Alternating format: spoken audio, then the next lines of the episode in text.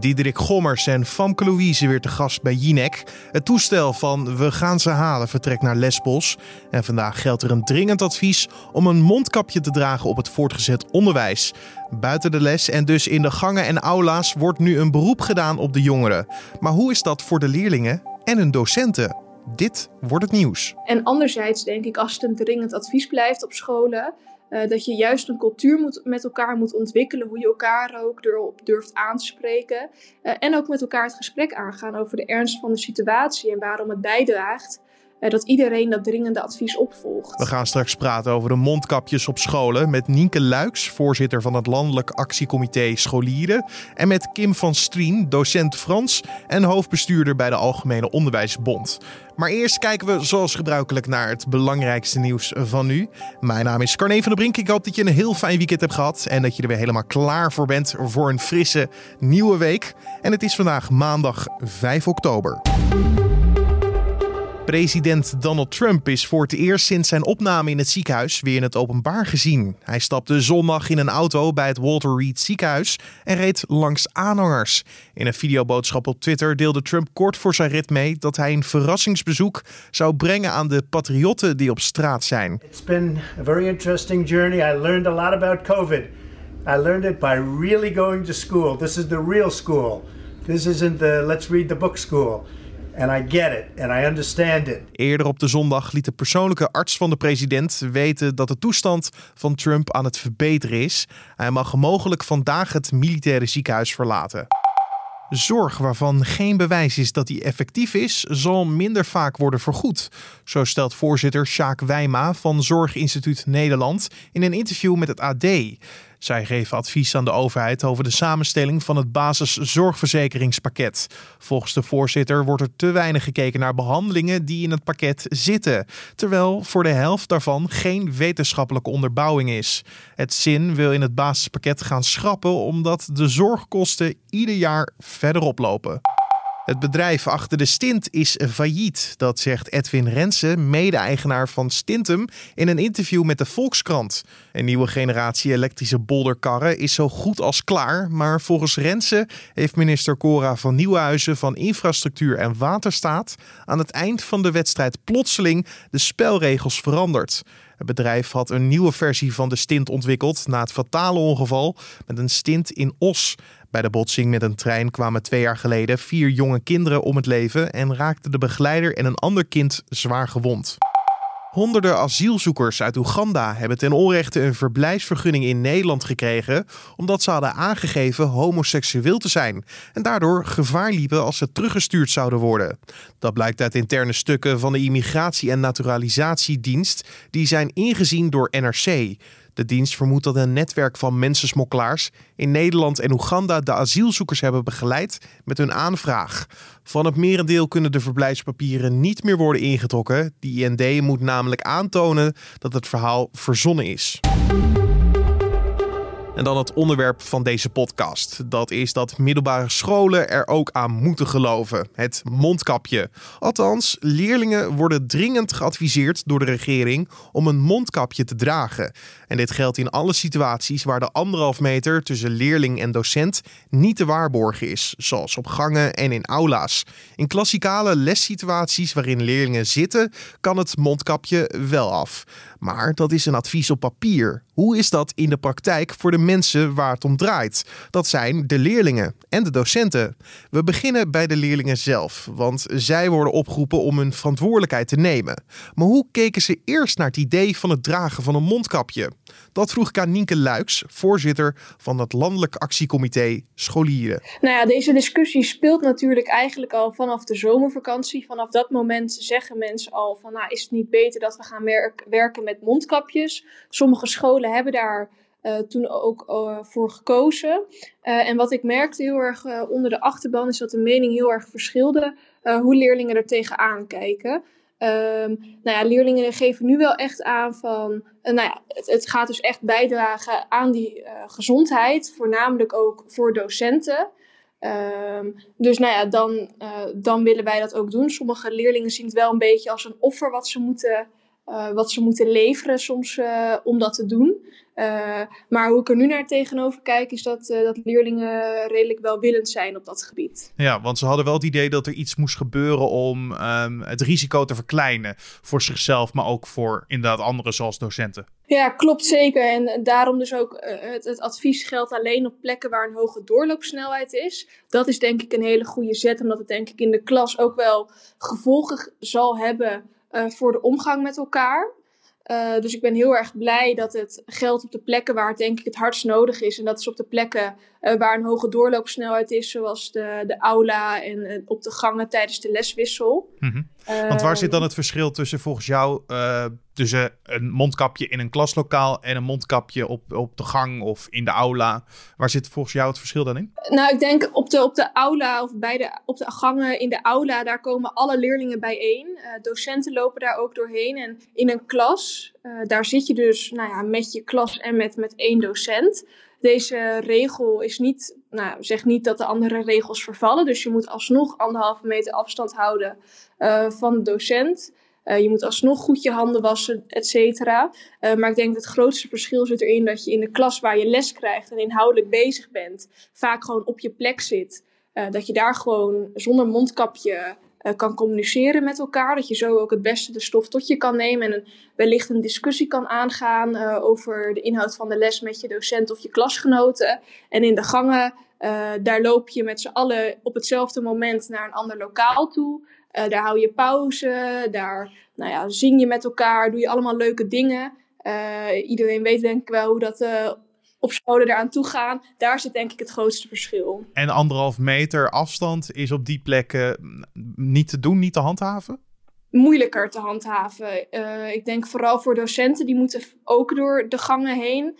Uh, en we horen toch ook wel eens uh, van docenten dat ze zich echt, nou ja, zoals van ouds, ertussen moeten worstelen om ja, er door te kunnen. dus de anderhalve meter, daar is gewoon moeilijk te handhaven. Um, nou ja, je wilt ook niet dat mensen laconiek worden. Uh, dus ik hoop dat de mondkapjes ook, uh, ook een middel is om elkaar er ook op te attenderen. Uh, nou ja, van, van let op, blijf erop letten. Ik denk ook dat, dat we dat met elkaar moeten bespreken. Dat we daarmee moeten, nou ja, elkaar ook op durven moeten aanspreken. Dat dat een, een cultuur is die we moeten ontwikkelen. Ja, want het is natuurlijk een advies en geen verplichting van de overheid. Ja. Is, is dat volgens jou een goed iets of had het strenger gemogen? Nee, ik denk dat het uh, heel erg goed is hoe het nu is. Uh, niet elke school is hetzelfde. Uh, maar we moeten wel zoveel mogelijk gelijkheid en duidelijkheid bieden. Er geldt natuurlijk nu enkel een dringend advies aan scholen om het te doen. Voor, ja, voor docenten en scholieren. Scholen kunnen er zelf wel voor kiezen om het verplicht te maken. Dus scholieren kunnen um, nou ja, zitten ook in de medezeggenschapsraad. En zo'n verplichting moet ook door de medezeggenschapsraad. Uh, dus daarmee heb je eigenlijk, nou ja, hoor je ook sowieso de leerlingen over zo'n eventuele verplichting. Uh, ik denk dat wel veel scholen daarvoor zullen kiezen. Want als het bij een advies blijft, denk jij dat de leerlingen van het voortgezet onderwijs daar wel volwassen genoeg voor zijn om het grotere plaatje te zien? Ik was namelijk eigenlijk alleen maar op die leeftijd met mezelf bezig en niet met maatschappelijke problemen. Nou, ik denk dat het. Kijk, we leven nu al een paar maanden eigenlijk uh, met corona. Iedereen weet wat het is en waarom uh, sommige maatregelen zijn. Ik denk dat we heel erg blij mogen zijn dat de scholen überhaupt uh, nog open, open zijn. Dat ze nog volledig open zijn. Dat we uh, geen afstandsonderwijs hebben. Natuurlijk zijn de leerlingen die thuis zitten. Uh, volgen wel afstandsonderwijs, maar nou ja, de scholen zijn nog open. Ik denk dat we daar heel erg blij mogen zijn. Dat horen we ook heel erg van leerlingen terug, dat ze echt blij zijn uh, dat de scholen nog open zijn, dat we nog dat fysieke onderwijs kunnen volgen. Uh, en ik denk dat dit inderdaad, dat we dit moeten zien als een middel, dat we zo lang mogelijk fysiek onderwijs kunnen blijven volgen. Ja, maar er zullen um, altijd toch wel jongens of meisjes zijn die de ernst van de situatie niet inzien. Uh, zal dat volgens jou dan gaan botsen met leerlingen die dat wel doen of de docenten?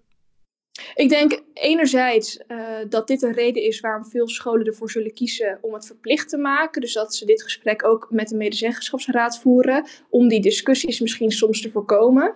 Uh, en anderzijds denk ik, als het een dringend advies blijft op scholen, uh, dat je juist een cultuur moet, met elkaar moet ontwikkelen, hoe je elkaar ook erop durft aan te spreken. en ook met elkaar het gesprek aangaan over de ernst van de situatie en waarom het bijdraagt dat iedereen dat dringende advies opvolgt. Dankjewel, Nienke Luiks, voorzitter van het Landelijk Actiecomité Scholieren. En hoe is het dan voor al die docenten en schoolleiders die toezicht moeten houden op de mondkapjes? Kim van Strien is docent Frans op een middelbare school in Katwijk en hoofdbestuurder bij de Algemene Onderwijsbond.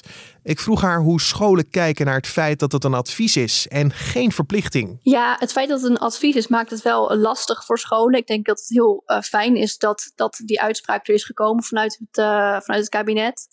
Um, want het draagt wel bij aan, aan de veiligheid op scholen. En uh, docenten hebben al langer aangegeven: joh, die anderhalve meter is eigenlijk niet, niet te doen op school. Dus we moeten iets meer. En uh, nou ja, een dringend advies, nou het is een stap, maar ik had liever gewoon een verplichting gezien. Want nu leg je eigenlijk de verantwoordelijkheid uh, bij scholen zelf. En dat maakt het uh, lastig, omdat er daar op school weer een discussie kan ontstaan. En ik had liever gezien dat de minister Slop gewoon had gezegd: jongens, het is overal verplicht, punt. Um, maar goed, dus nu blijft er ruimte voor discussie. En ja. dat is, uh, is niet handig. Want is het dan frustrerend dat het zo versnipperd raakt? Ja, nou ja, het is frustrerend omdat je op de ene school uh, zullen het misschien wel doen. En de school drie kilometer verderop zal zeggen, nou ja, wij luisteren gewoon niet naar dit advies en wij doen er niks mee. Ik verwacht dat in de praktijk veel scholen het allemaal wel, uh, wel over zullen nemen. Maar ja, het blijft ook een punt van discussie. En ja, dan kan je ook hebben dat, dat leerlingen of ouders zeggen: ja, het is een advies en uh, mijn kind doet daar niet aan mee, bijvoorbeeld. Ja, want inderdaad, niet iedere school wil zo ver gaan om het uh, nu nee. te verplichten. Uh, de verantwoordelijkheid leggen bij de leerlingen. Is, is dat dan wel een goed plan volgens jou? Nou, niet per se. Want dan, kijk, het gaat natuurlijk om, om ieders gezondheid. Hè? De gezondheid van de leerlingen, gezondheid van het personeel, maar ook van de, de families van, van personeel en, en leerlingen. En als je dat dan in de handen van een puber legt, vind ik dat niet heel verstandig. Nee, want zijn er veel zorgen over die jij binnenkrijgt van docenten of uh, staf, stafleden die daar toch wel zich zorgen over maken? Ja, zeker wel. En zeker ook mensen die zelf een kwetsbare gezondheid hebben, of die bijvoorbeeld uh, diabetes hebben of overgewicht, die zeggen ja, ik vind dat nogal wat en ik maak me daar echt wel zorgen om. En dat kan ik heel goed begrijpen. Of stel je hebt uh, een partner of een kind met een kwetsbare gezondheid thuis zitten dan voel je je er ook niet happy bij. Ja, inderdaad, je zei het net al. Uh, je kan je afvragen of ze al rijp genoeg zijn voor zulke beslissingen, de leerlingen, ja, qua leeftijd. Klopt. Er wordt toch vaak gesproken over jongeren die de coronaregels namelijk aan hun laars lappen. ja, klopt. Ja, maar ja, dat, dat, dat hoort bij die leeftijdscategorie. En natuurlijk, uh, als je puber bent, dan uh, vind je het leuk om lekker met je vrienden en vriendinnen rond te hangen in het weekend. en ja, dan kan je natuurlijk wel zeggen, jongens, hou anderhalve meter afstand. Maar ik hoor bij mij op school ook de allerliefste, braafste kinderen die ook zeggen: Ja, mevrouw, we zaten eigenlijk wel met te veel kinderen bij elkaar dit weekend. Want hoe zullen docenten dan nu met dit uh, advies omgaan? Uh, want ik neem aan dat iedere docent toch wel een leerling wil stimuleren om dat mondkapje te gaan dragen. Ja, tuurlijk. Ik denk dat we zelf als docenten gewoon het goede voorbeeld moeten geven. Uh, door ook dat mondkapje lekker op te zetten. En ik weet ook dat er, dat er collega's zijn die zelf ook al hebben aangegeven dat ze dat gewoon een veilig gevoel vinden geven. Dus dat is gewoon heel belangrijk. En uh, ja, ik denk misschien de eerste paar dagen zal het heel gek zijn en heel onwennig. En zal misschien nog niet iedereen hem opdoen of zullen mensen het vergeten. Maar ik denk dat in de loop van de week het steeds meer normaal wordt. En dat je op een gegeven moment niet beter weet. En hoe fijn is het dat het niet hoeft in een, uh, in een klaslokaal? Alleen gewoon ja. in de, ja, de, de aula's, de gangen. Ja, heel fijn. Ik, ik, lesgeven met een mondkapje op, dat lijkt me helemaal niks. Want uh, nou, ik geef Frans, ik geef een taal. Het gaat over communiceren. En als ik dan een mondkapje op heb, wordt het wel erg lastig. Uh, dus ik denk dat dat wel heel erg fijn is. En uh, weet je, als iedereen gewoon in de klas zit, dan kan je best in ieder geval redelijk afstand houden. Niet altijd. Uh, afstand houden in de klas, dat hangt een beetje af van de grootte van je lokaal, maar ook hoeveel kinderen er bijvoorbeeld in je klas zitten. En als je er 30 hebt zitten, is het waarschijnlijk wat lastiger dan wanneer je er bijvoorbeeld 20 hebt zitten. Maar um, ja, lesgeven met een mondkapje op, dat is niet te doen. Nee, ik leg net wat verantwoordelijkheid bij de docenten. Maar vind je eigenlijk niet dat de verantwoordelijkheid vooral zou moeten liggen bij de ouder? Die zijn of haar kind stimuleert om het mondkapje in de schooltas mee te nemen? Tuurlijk, maar goed, op school moet zo'n leerling hem ook nog uit zijn tas vissen. En hem, hem daadwerkelijk opzetten. En ik denk dat dit gewoon een, ja, een effort is van iedereen. Dus, dus ouders moeten stimuleren, docenten moeten stimuleren. En dan samen moeten we er wel uit zien te komen, denk ik. Ja, en naast de mondkapjes zijn ventilatieinstallaties binnen scholen ook een heet hangijzer. Zo gaat de overheid scholen ondersteunen die dat nog niet op orde hebben. En dat is denk ik ook nog wel een kopzorg, hè? Ja, zeker. Het, het, feit dat we überhaupt nu onwijs moeten gaan kijken naar hoe het met ventilatie zit, is best, best bizar. Hè? Want dat houdt dus eigenlijk in dat in een normale omstandigheid uh, was ons ja, het, het, klimaat in de klasse ook niet op orde. En nu uh, wordt er ineens gezegd, ja, het is toch wel belangrijk omdat we in een pandemie zitten. Dus nu wordt er heel veel, ja, eigenlijk achterstallig onderhoud gepleegd. En dat is eigenlijk heel vreemd. En heel noodzakelijk dat het wel gebeurt nu, maar het had veel eerder moeten gebeuren. Ja, en de regering heeft nu al een smak met geld beschikbaar gesteld om dit probleem op te lossen. Maar het lijkt me dat dit niet zo van de een op de andere dag opgelost is. Nee, tuurlijk niet. Weet je, als je echt een goed ventilatiesysteem wil, wil aanleggen in een school, heb je er echt wel tijd voor nodig. En ik weet ook dat bedrijven zeggen dat het helemaal niet haalbaar is om het op al die scholen te realiseren op korte termijn. Kijk, en nu zit ik ook nog elke dag met mijn ramen open, deur open in mijn klaslokaal. Maar het wordt wel koud. Ja. Het wordt aankomende week is het echt wel herfst. Dat je 14 graden, het gaat flink regenen. Uh, ja, hoe gaat dat straks als het uh, december is?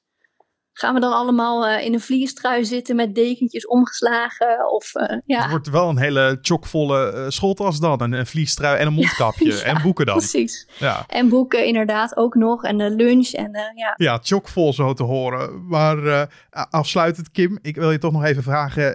lesgeven in coronatijd, het lijkt me wat vreemd door alle maatregelen en en aanpassingen daarop. Maar is het plezier van lesgeven nog altijd aanwezig? Eh, het wijzer maken van je leerlingen? Of uh, staat dat inmiddels ook wel op de tocht? Nee, oh zeker niet. Nee, ik geniet er nog steeds van. En ik was na de zomer heel blij dat we weer op een normale manier les konden gaan geven. En ik wilde ook echt alles aan doen uh, om te zorgen dat we dat kunnen blijven doen. Want ja, het lesgeven is het mooiste wat er is. Het is geweldig om met die kinderen aan de slag te zijn. Dus uh, wat dat betreft geniet ik er nog steeds van. Dat was Kim van Strien, docent Frans en hoofdbestuurder bij de Algemene Onderwijsbond. En wat staat er verder te gebeuren vandaag? Nou, Famke Louise en Diederik Gommers zullen vanavond samen aanschuiven bij Jinek om verslag te doen van hun ontmoeting van afgelopen week. Het is niet de eerste keer dat de influencer en de voorzitter van de Nederlandse Vereniging voor Intensive Care bij de talkshow zitten. Famke Louise was eerder te gast vanwege haar deelname aan de actie op sociale media. Hashtag ik doe niet meer mee. Na fikse kritiek op haar optreden distancieerde de zangeres zich van haar actie en accepteerde ze de uitnodiging van Gommers, die toen ook aan tafel zat, om zich beter te laten informeren. Actiegroep We gaan ze halen heeft een toestel gecharterd om vluchtelingen op te halen op Lesbos. De groep zamelt sinds de brand in vluchtelingenkamp Moria, waar ruim 12.000 mensen dakloos werden, geld in om een vliegtuig naar Lesbos te sturen. Het is de bedoeling woensdag terug te keren. Staatssecretaris Ankie Broekers-Knol van Asiel begrijpt dat de actiegroep vluchtelingen in Griekenland wil helpen, maar om dat met een gehuurde Boeing 737 te doen, lijkt daar op ze zachts gezegd geen goed plan. En in Limburg gaat de rechtszaak rond Nicky Verstappen weer verder. Vorige week draaide de zaak vooral om de verklaring van verdachte Jos B. In een videoboodschap vertelde hij maandag dat hij Nicky's lichaam vond tijdens een fietstocht en dat hij zijn kleding fatsoeneerde. Op dinsdag zal verder worden ingegaan op de aangetroffen DNA-sporen. En dan regen of toch zonneschijn, hevige wind of een briesje. Tal van vragen, maar Diana Woei van Weerplaza kan ze allemaal beantwoorden. Want wat voor weer krijgen we vandaag? Het blijft voorlopig vrij onbestendig herfstweer met soms veel wind en nu en dan regen. In het noordoosten van het land valt het vanochtend wel mee met de nattigheid. Misschien is de zon zelfs even te zien, in de rest van het land is het overwegend bewolkt en valt er plaatselijk regen of motregen. Vanmiddag trekken in het hele land soms stevige buien voorbij. In het westen van het land is daarbij kans op een klap onweer.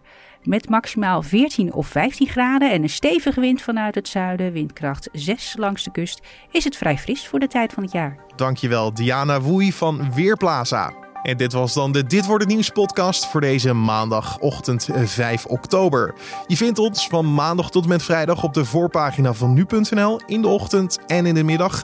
En natuurlijk ook in je favoriete podcast app. Heb je vragen, suggesties of feedback voor ons? Stuur ze dan op naar podcast.nu.nl podcast.nu.nl. En ik zeg je eerlijk, we kijken er elke dag naar en verzamelen we ze dan om aan het einde van de week te bespreken in de podcast. Dus stuur vooral dat op via podcast.nu.nl. Mijn naam is Carne van den Brink. Ik wens je een hele mooie dag vandaag en natuurlijk tot de volgende.